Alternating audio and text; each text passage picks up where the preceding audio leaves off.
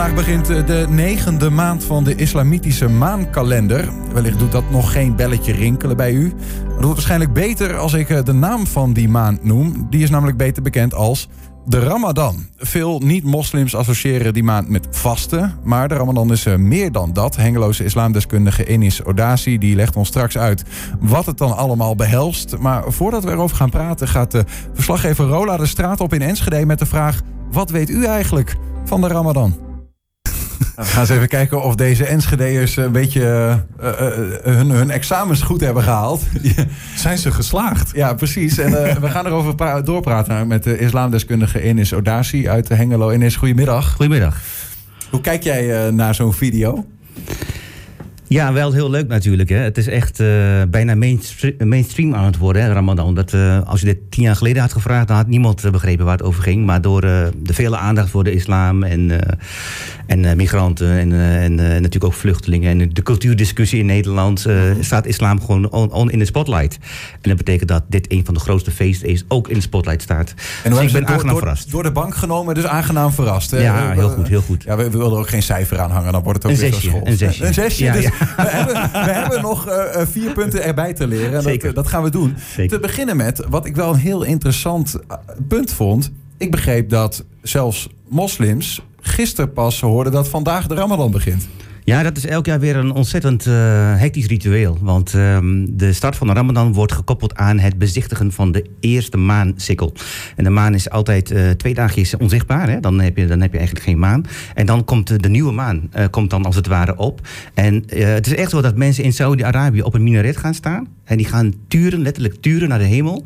En als we de eerste lichtstralen van een ma nieuwe maan zien... Ja. dan is dat letterlijk het sta de start van, van de Ramadan. En dat van die altijd, negende maand. Van die negende maand. En dat is altijd een dagje voor of na uh, de verwachting, als het ware. Dus uh, altijd is een dag of twee van tevoren.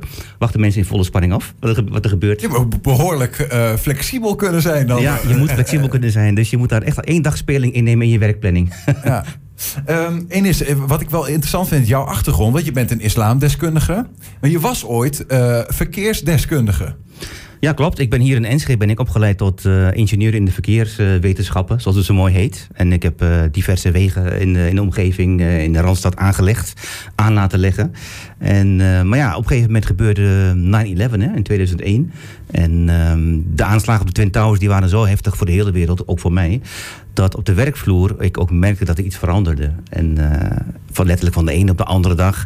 Daarvoor, voor 9-11 was ik gewoon verkeerskundige collega. En de andere dag daarna uh, wat, werd ik moslimcollega. En kreeg ik allerlei vragen over de islam ineens op mijn bordje. Toen moest je ineens islamdeskundige worden? Of was je dat toen? Nee, dat was ik helemaal niet. Ik was nee. echt iemand die gewoon dat uh, thuis hield. En uh, meer cultuurmoslim was. maar ja, als je dan ineens heel veel vragen kreeg over wat gebeurt er nou in Amerika. En wat is dat nou terrorisme. En is het echt zo met de jihad. En, en al het geweld in de islam. En was de Koran. Tot mijn grote schrik ontdekte ik dat ik vrij weinig wist van de islam. Zoals de mensen net, die je net hoorden. Ja. En ja, dat was eigenlijk voor mij de aanleiding om me daarin te gaan verdiepen. En door het verdiepen en de studie daarna ben ik een heleboel te weten gekomen. Je, was het zo dat je dacht van ja, joh, goh, ik ben uh, op papier een moslim, maar ik weet eigenlijk vrij weinig te antwoorden. Ja, dus ik moet me maar eens even. Ja, vergelijken met mensen die uh, christenen die je, die je vraag stelt over Pasen. Hè? Dan kom je heel vaak met paaseieren uit en lekker mo mooie gezellige diensten. Maar als je je doorvraagt naar het levensverhaal van Jezus en zijn kruising en zijn wederopstanding, mm -hmm. dan ben je de meeste christenen ook al kwijt. En, en zo, was, zo is het ook met moslims. Als je moslims vraagt wat doe je aan Ramadan, dan hebben ook zij de associatie dat het gaat over uh, niet eten en niet drinken. Mhm. Mm -hmm. terwijl, als, terwijl het eigenlijk daar niet over gaat. Het gaat Ramadan is letterlijk uh, de maand van de Koran. Het is de maand waarin de Koran is geopenbaard. En dat vieren we. De maand waarin de Koran is geopenbaard. Komen we zo verder op terug. Um, maar toch ook, dan ben ik wel benieuwd. Ben je dan nu meer moslim dan zeg in 1999? Poeh, dat is een goede vraag. Ik weet, nee, nee, dat, dat kun je niet zo zeggen. Er zit geen percentage aan. Ik kan alleen maar zeggen dat als je een gelovige bent, dat ik altijd wel het belangrijk vind uh, dat je weet waarom je gelooft. En niet uh, het als een erfenis meekrijgt of uit een cultuuroverdracht. Uh, mm -hmm. Van je ouders deden het, dus doe je het ook. Ja, dat is, dat is het goed, dat is leuk. Tradities krijg je op die manier mee. Maar het is echt, echt belangrijk dat je op een gegeven moment begrijpt en beseft en besluit. Uh, dat je moslim wil zijn. En uh, daar ook een goed verhaal bij hebt voor jezelf. Ja, dus je moet altijd die persoonlijke keuze maken. En niet uh, toevallig in een familie opgroeien die moslim is. Maar jij hebt sinds de Twin Towers ehm, heb je dus veel meer nog le- leren kennen over je eigen eh, geloof. Misschien Zeker, wel over zeker. dat wat je, in ieder geval dat wat je onderschreef te zijn, moslim. Ja. Eh, Was dat prettig of was dat soms ook een confrontatie? Eh, Nee, het was heel prettig. Voor mij was het een aangename ervaring. Voor mij viel, viel, een heleboel tradities op, op hun plek. Waarom we dingen deden in de familie. Waarom we dingen deden. Ik kom uit Turkije. Waarom we dingen deden in Turkije. En dat kon ik op een gegeven moment allemaal duiden. En dat is heel fijn. En dus op een gegeven moment vielen dingen voor mij op hun plek. Ehm, en tegelijkertijd zag je ook een heleboel eh, zaken die niet op hun plek vielen. Namelijk de vragen die werden gesteld over bijvoorbeeld eh, over moslims in Nederland. Ge- geweld, het is een intolerante godsdienst. onderdrukking voor vrouwen.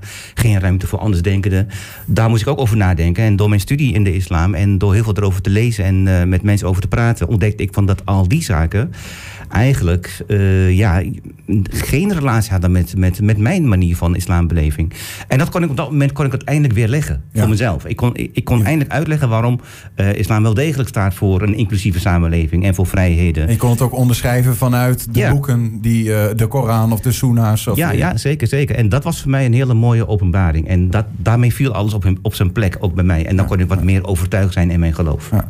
Ehm, je zei net al even, de Ramadan is niet alleen de vaste maand, of misschien zelfs nog minder de vaste maand dan de maand van de openbaring van de Koran. Eh, vast jij zelf dan wel tijdens de Ramadan of is dat een bijzaakje? Voor mij is vasten een, eh, een privézaak, als het ware. En eh, ik ben daar heel flexibel in. En dat, dat laat ook zien dat niet alle moslims op dezelfde manier vasten.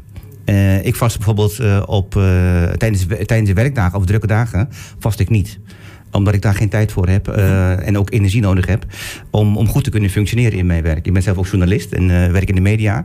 En ja, ik, ik, ik haal het einde van de dag niet als ik vast, bijvoorbeeld. En dus haal ik het op andere manieren in. En dat kan prima, dan ben je nog steeds een go- goede moslim, om het zo Ja, te ja, een zeggen. goede moslim, een slechte moslim is, eh, is altijd van wie dat, wie dat over jou zegt. Hè? Dus, maar als je zelf vindt dat je een goede moslim bent, dan is het goed genoeg. En eh, als je bijvoorbeeld. Het is wel interessant wat je nu zegt, hè? want de meeste mensen, mijzelf in kluis, ehm, eh, da- dachten, denken dat eh, het islamitische geloof ook inhoudt dat uiteindelijk Allah gaat besluiten of jij nou goed of slecht bent geweest. En als je dat ook zelf kunt besluiten, zit daar wel een bepaald spanningsveld, toch? Ja, ja, natuurlijk. Maar kijk, het, het lastige van, van zo'n uitspraak is van... Ja, wie, wie heeft nou een gesprek met God gehad hè? Nou, in, in zijn leven? Wie heeft nou een gesprek over wat goed en wat niet goed is? Uiteindelijk weet je niet wat, eh, wat goed is en wat goed is. Of, of je het allemaal goed genoeg gedaan hebt. En als we dus de, de Koran erop naslaan, wat, wat, wat leren we daar dan, dan, aan? wordt er heel veel ruimte of heel veel eh, een, op, een appel op jou gedaan om, om, om je eigen geweten aan te spreken. Hè? Eh, heel vaak hebben wij een innerlijk stemmetje. En dat zegt, al goed, dat zegt al genoeg over wie je bent en wat je doet. En daar heb je vrij weinig begeleiding bij nodig. Als je een boek leest of als je mensen spreekt die jou kunnen inspireren, dan wakkert dat gesprek of dat boek wakkert jouw geweten een beetje aan. Hè? Waardoor je al weet van ja, wat ik doe is goed. Maar als ik, als ik zelf een gevoel heb waarvan ik zeg van dit doe ik goed. Ik ben op mijn manier een goed mens aan het zijn. En ik lees een boek, en dat kan ook de Koran zijn of de Bijbel, waarin staat ja, dat is niet goed. Kies ik voor mezelf. Ja. En dan kies ik niet voor wat het boek zegt. Want het boek is maar een, een, een tekst. En je hebt de ruimte om da- daar alles mee te doen wat je wil. Wat maakt de moslim dan bijvoorbeeld anders dan de humanist? Wat dat betreft is er eh, heel weinig verschil. En heel toevallig dat je erover begint, maar eh, mijn islamitische beleving is ook humanistisch-islamitische beleving. Ik, ik, ik noem mezelf een humanistische moslim. Precies omdat voor mij de mens het begin, het middel en het eindpunt is van de religie. Mijn hersens, mijn hart, mijn geweten bepalen hoe ik teksten lees. En het, het is niet van dat ik geen geweten en geen intellect heb. Dus als ik een, leeg mens zou zijn en ik lees een boek, ja, dan, dan is het boek eh, valt samen met wie ik ben. Maar omdat ik zelf ook ideeën heb, ik heb zelf ook eh, intellect, ik heb zelf ook een geweten, een hart en een ehm, en, en inspiratie kan ik voelen. Dus ik ga de tekst lezen zoals ik het wil. Maar in die Ramadan-maand sta je in ieder geval wel extra stil bij het fenomeen vasten en wat dat Ja, met zich meebrengt. Het mooie, van, het mooie van Ramadan is natuurlijk van we leven twaalf maanden lang, elke dag leven we in een hectische wereld. We leven zo hectisch dat we gewoon vergeten om, om, om naar, de, naar de buren om te kijken, om naar onszelf om te kijken, om naar onze kinderen, onze vrienden om te kijken. En zeker met corona, hè, nu merk je echt van hoe belangrijk die relaties zijn. En door een maand, als het ware, eh, de tijd te nemen om echt even stil te staan bij jezelf en bij je dierbaren, eh, hoop je dat je voldoende energie gaat tanken, als het ware, om de komende elf maanden drukte weer tegen te kunnen. Of, of aan te kunnen pakken, als het ware. Het Ramadan is een moment van bezinning. Het is een moment van reflectie. Eh, lees de boeken die jou kunnen inspireren. Zie de mensen die je kunnen inspireren. En de, de onthouding, hè, vasten, vasten betekent letterlijk onthouden van. Eh, waarvan? Niet van eten en drinken alleen, maar alle dingen die jou gewoon afleiden Mhm. van, dat, van rustpunt, van, van, jou, van jouzelf. Dus als jij een maand de tijd hebt, als het ware, om elke dag weer, elke dag weer stil te staan bij waarom doe ik dingen die ik doe? Waarom ben ik niet in staat om eh, eh, de relatie die ik heb, eh, de aandacht te geven die ze verdienen? Of als je ruzies met iemand hebt gemaakt, waarom lukt het mij niet om dat goed te maken? Nou, hier heb je een maand waarbij je als het ware al die dingen kunt fixen. En eh, daarmee kun je elf maanden vooruit. Ja. Dat is eigenlijk niet zo religieus, maar het is gewoon een universeel principe Nou, van dat zorg ervoor dat je je leven op orde krijgt. Net zeggen inderdaad, van, eh, de- eh, dan heeft de islam sowieso hè, heeft niet per se een monopolie op vasten. hè. Binnen het christendom is dat ook een bekend fenomeen en binnen andere religies. Eh, maar, maar is er ook een, verschil eh, met hoe de moslims vasten in die ramadanmaand en ja, bijvoorbeeld de christenen in, in carnavalstijd waarin sommigen dat doen? Zit daar een verschil in of lijkt het Ja, wel op zit, elkaar? er zit een verschil in details. Ik woon in de straat met, eh, met veel Syrische buren. Eh, en dan zie je ook dat er eh, de ene, het ene christen is. je hebt katholieke christenen en, en protestante christenen. En ze, ze vasten op andere momenten in de kalender, rondom Pasen.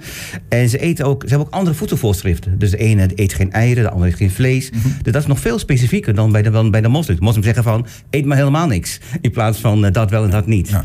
En dus daar zie je wel enig verschil. En- Maar uiteindelijk komt het ook daarop neer van... vasten is een, een aanloop naar een soort van een bevrijdingsmoment... aan het eind van de maand of eind van de week. Eh, de ene keer is het Pasen, de andere keer is het eh, de, het suikerfeest. En dan op een gegeven moment is dat het einde van je feest... de wedergeboorte van de mens, als het ware. Eh, en dat wordt gevierd. Het gebeurt bij moslims dus ook. eh, dat ze bijvoorbeeld zeggen: ik ga niet ehm, me onthouden van eten of drinken, maar bijvoorbeeld onthouden van eh, alcohol. Of van, of, nou, dat is dan een slecht voorbeeld, maar van drinken, een of, of van een, een gameverslaving bijvoorbeeld, waar sommige mensen van zeggen. Of van eh, snoep. Of, hè, dat, dat, dat is natuurlijk ook vasten. Dat je zegt van ik onthoud me even van een slechte gewoonte misschien wel. Ja, dat, dat zie je de laatste tijd heel veel bij christenen. Ik merk dat, dat de christenen dat op die manier heel eh, goed invullen. Sociale media vasten. Inderdaad, eh, eh, op een manier van dat allerlei verslavingen en afleidingen worden opzij gezet. Maar bij moslims zie je dat nog niet zozeer. Daar is, niet, daar is geen substituut van het, het voedselvasten. Zou Daar- dat wel kunnen? Als je kijkt naar de Koran, hoe de Koran denkt over vasten, hoe daarmee misschien Allah wel denkt over vasten, zou dat kunnen binnen die, binnen Kijk, de, islam? de, truc is van, van, de truc van het vasten is van dat eigenlijk je één maand de tijd krijgt om dat te doen. Maar Mhm. waarom zou je het niet elf maanden lang doen? Hè? Dat is eigenlijk de, de truc. Maar- Dus je krijgt een reminder eh, om te vasten van in die maand van eten en drinken en seksuele omgang. Eh, maar wie zegt dat je het de elf maanden daarna wel weer moet gaan doen, als het ware. Dus ja, eh, er is heel veel ruimte om het in te vullen zoals je wil. Maar als je het echt terugbrengt naar de Koran en naar de islamitische traditie, dan zit daar heel sterk het aspect van voedsel en drinken, onthouding bij. Ehm, wel even een voetnoot erbij. Hm? Er zijn zoveel randvoorwaarden en zoveel eh, uitzonderingen. Zwangere vrouwen, mensen die, geest, die, die, die niet eh, eh, gezond zijn qua lichaam en geest. Als je op reis bent, als je nog niet de volwassen leeftijd hebt bereikt. Er zijn zoveel mits en maren. Je moet echt zo wel overwogen kunnen en willen vasten. Dan pas moet je gaan vasten. Ja. Is dat vast ook veranderd? Want ja, weet je, de tijden veranderen wel. Mensen worden, gaan op een andere manier leven. Groeit daarin die islam mee? Of lijkt dat nog heel erg op hoe het 500 jaar geleden gebeurde? Ehm, de, de, het basisuitgangspunt is wel degelijk dat het voedsel eh, vasten is. Voedsel in, eh, eten en drinken vasten is. Maar als je kijkt naar eh, de migratie eh, vanuit... Ik kom uit Turkije. Mijn ouders hebben op, echt op een andere manier gevast dan ik. Eh, waarom? Ja, daar is de hele traditie is van dat iedereen vast. Of je nou werkt of niet. Maar ik hier eh, heb te maken met een ander levensritme. Ja. Mijn kinderen, de derde generatie inmiddels... Ja, die hebben echt een hele andere interpretatie van het vasten. En ik leg er niks op. Ik laat ze hen dat zelf bedenken. Omdat ik eigenlijk de onderliggende waarden van het vast, van de vaste maand mee wil geven. Namelijk, kijk naar jezelf en kijk naar je naaste. En hoe je dat invult, dat vind ik belangrijk. In coronatijd trouwens, want dat was vorig jaar de eerste keer dat er in coronatijd werd gevast. Dat was wel een dingetje voor sommige moslims. Ja, natuurlijk. Echt een inbreuk in de sociale karakter van vasten. Ramadan Want je is, doet dat samen normaal. Ramadan is, kent elke dag een moment van het breken van de vast. Dat noemen we de iftar. En dat betekent dat, je, dat het een ontzettend sociale happening is. Je gaat bij de mensen, bij de familie op bezoek. Je gaat bij je ouders op bezoek. Bij de kinderen. Ooms, tantes komen langs. En je feest als het ware. Je, je, je breekt het vasten samen. En, je- en dat is een feestmoment. En die sociale binding, ook in de moskee. Dat je al daar het eerste gebed als het ware eh, volbrengt. Dat valt ook weg. Dus alle sociale relaties vallen weg. En eh, ja, het is tegenwoordig FaceTime vasten. En eh, WhatsApp-video bellen vasten. En dat werkt ook. Alleen dat vergt wel een bepaalde omslag. Ja, ja, ja, dus dat is nog wel een uitdaging voor moslims in deze Ja, maar het tijd. kan wel. Het kan Het wel. kan wel. Het kan. Ehm, t- toch ook nog even, want we hebben het al goed, eh, best veel gehad over het vasten. Terwijl je eigenlijk het eh, gesprek begon met... eigenlijk is Ramadan de openbaring van de Koran. De maand van de openbaring van de Koran. Wat bedoel je daar precies mee?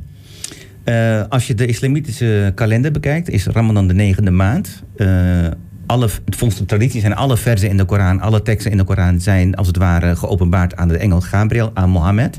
En de eerste openbaring uh, is in de maand Ramadan geweest, in september.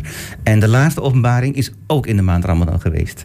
En uh, zo, zo is eigenlijk Ramadan de maand van de Koran geworden, als het ware.